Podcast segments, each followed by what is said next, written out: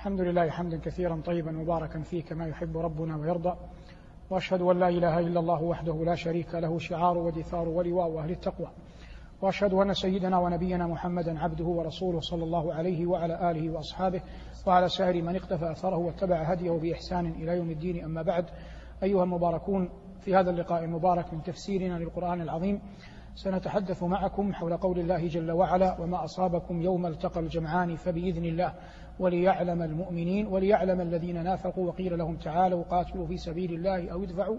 قالوا لو نعلم قتالا لاتبعناكم هم للكفر يومئذ أقرب منهم للإيمان. إلى آخر الآيات المتعلقة بهذا الموضوع. ومعلوم أن هذه الآيات من سورة آل عمران وأنها تتحدث عن غزوة أحد. لكننا لا نتحدث عنها ككونها مقطوعة من السيرة إنما نتحدث عنها ككونها تتعلق بكلام الله جل وعلا أي وفق منهج المفسرين. قال أصدق القائلين جل ذكره وتبارك اسمه وما أصابكم يوم التقى الجمعان. والخطاب للمؤمنين الذين مع النبي صلى الله عليه وسلم والمعنى كل ما أصابكم يوم أحد يوم التقى الجمعان جمع أهل الإشراك وجمع أهل الإيمان. وأحد جبل في شمال المدينة سمي أحد لتفرده عن الجبال وفيه ورد الحديث أحد جبل يحبنا ونحبه. وكان هذا بعد وقعة بدر التي نصر الله جل وعلا فيها رسوله. فلما ظهرت شوكة المسلمين في بدر ظهر النفاق في المدينة. أي أن بعض من كان يظهر كفره خاف من ظهور شوكة أهل الإسلام فأظهر النفاق وأبطن الكفر. أظهر الإيمان وأبطن الكفر وهذا يسمى نفاقا. ومن العجيب أن القرآن جاءت فيه ثلاث صور. سورة اسمها سورة المؤمنون وسورة اسمها سورة الكافرون وسورة أخرى ثالثة اسمها سورة المنافقون. ذكرت الطوائف كلها. هنا قال الله جل وعلا وما أصابكم يوم التقى الجمعان فبإذن الله.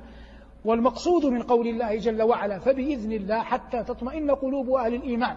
وإن أصابهم ما أصابهم من القرح ومن الهزيمة ومن الجراح ومما أثخنهم رضوان الله تعالى عليهم يوم أحد حتى إن النبي عليه الصلاة والسلام صلى بهم بعد أحد قاعدة وصلوا وراءه قعودا. والله قال لهم إن يمسسكم قرح فقد مس القوم قرح مثله. وقال أولما أصابتكم مصيبة قد أصبتم مثليها؟ أي قتلتم منهم يوم بدر سب سبعين وأسرتم سبعين وهم في أحد قتلوا منكم سبعين فأصبح الضعف بمعنى أن غلبتكم عليهم تعد اثنتين وهو معنى قول الله جل وعلا أولما أصابتكم مصيبة قد أصبتم مثليها. لكن نتكلم الآن عن قول الله وما أصابكم يوم التقى الجمعان فبإذن الله. وليعلم المؤمنين والقاعدة أن كل آية تكون مبدوءة بقول الله ليعلم المعنى ليظهر علم الله ليظهر علم الله وإلا ربنا جل وعلا خلق ذلك وقدره وكتبه في الأزل قبل أن يقع.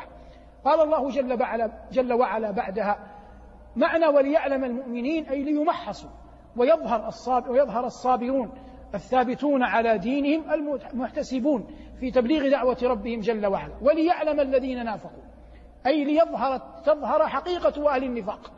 وكان عبد الله بن أبي وهو من الخزرج. قد خرج مع النبي صلى الله عليه وسلم في أول الأمر إلى أحد.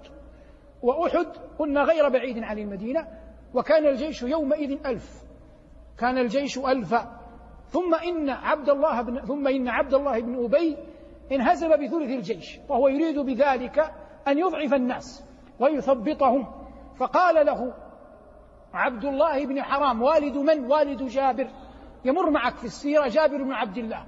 والده كان حيا يوم أحد. واستشهد في أول الناس يوم أحد عبد الله بن حرام قال لعبد الله بن أبي يدعوه إلى أن يقاتل في سبيل الله كما سيأتي لكنه أبى ورجع. فالله جل وعلا يقول وليعلم الذين نافقوا وقيل لهم من الذي قال لهم؟ عبد الله بن حرام. تعالوا قاتلوا في سبيل الله أو ادفعوا. قالوا لو نعلم قتالا لاتبعناكم. أما قاتلوا في سبيل الله فظاهرة المعنى أي تعالوا جاهدوا في سبيل الله. لكن الإشكال في قوله جل شأنه أو ادفعوا ما معناه؟ وللعلماء فيها أقوال أرجحها والعلم عند الله أنكم إن لم تقاتلوا إيمانا واحتسابا وإيمانا باليوم الآخر فلا أقل من أن تقاتلوا قومية أن تقاتلوا عن نسائكم وذراريكم وأهليكم الذين بالمدينة. حمية كحمية الجاهل كحمية الجاهلية السابقة. حمية كحمية الجاهلية السابقة. فالأولى تتكلم عن الجهاد.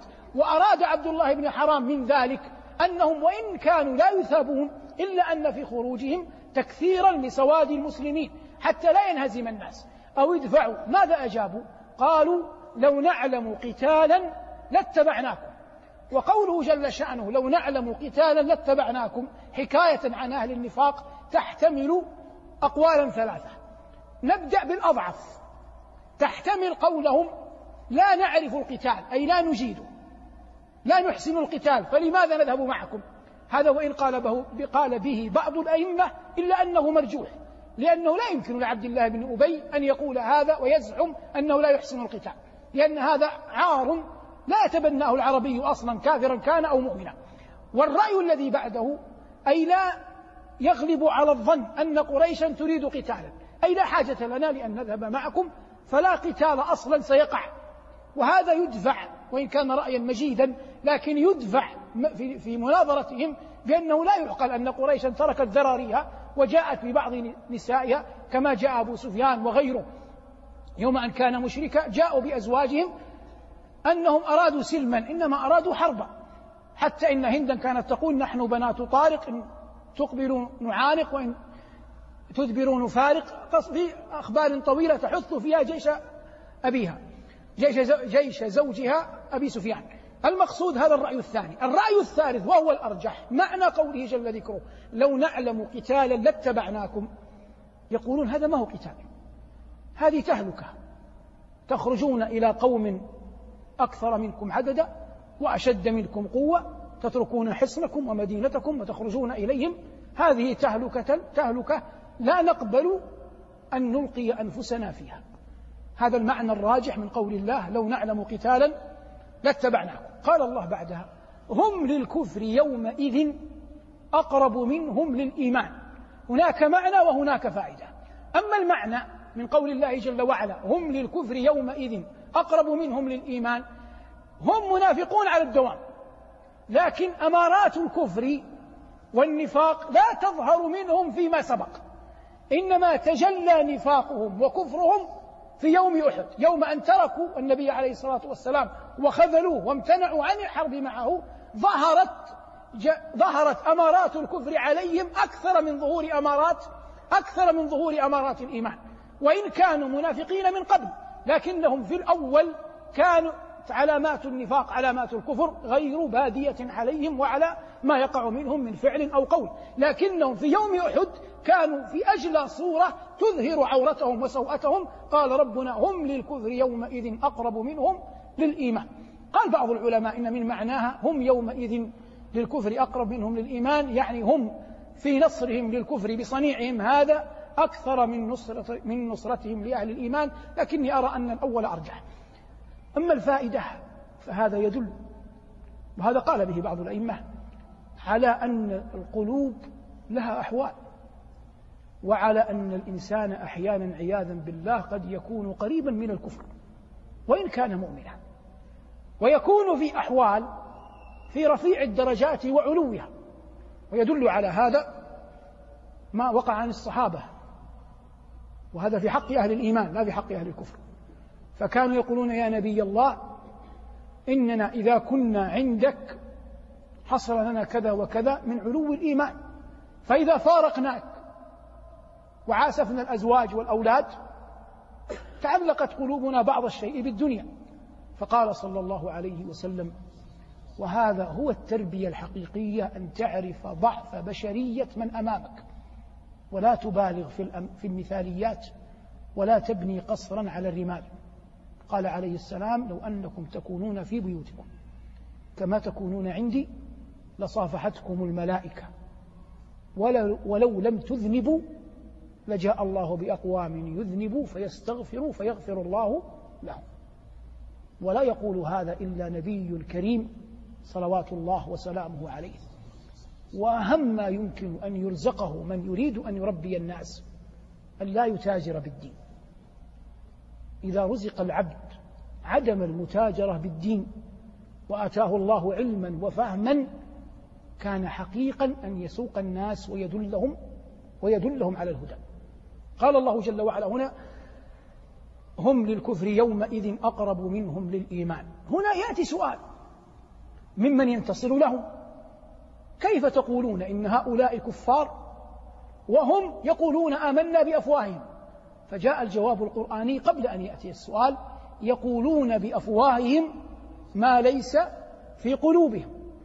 والله وهذا قد يخدع به الناس لكن الله قال بعدها والله أعلم بما يكتمون. فالله جل وعلا عليم بما تخفيه الصدور.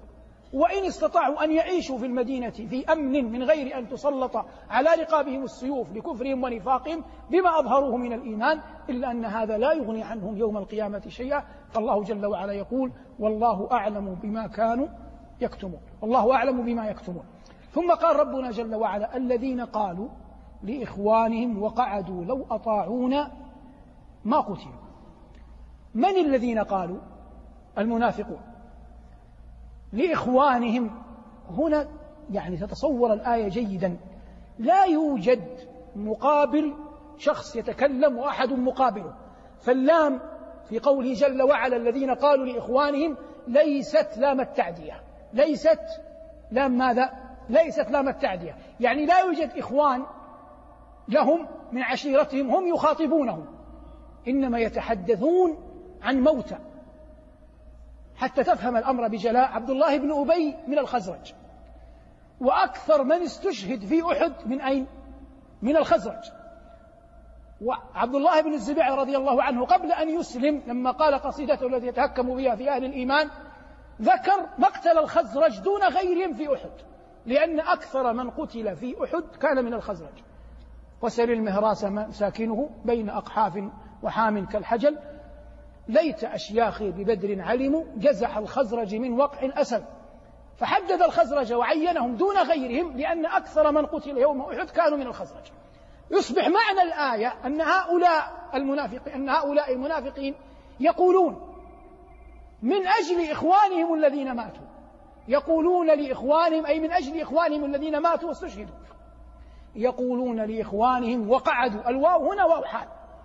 وقعدوا فعل وفاعل جملة حالية. حالية من من؟ من المنافقين من أصحاب القول أي أنهم قالوا هذا وهم قاعدون عن الجهاد لأنهم انهزموا بالناس. وقعدوا لو كانوا عندنا ما قتلوا.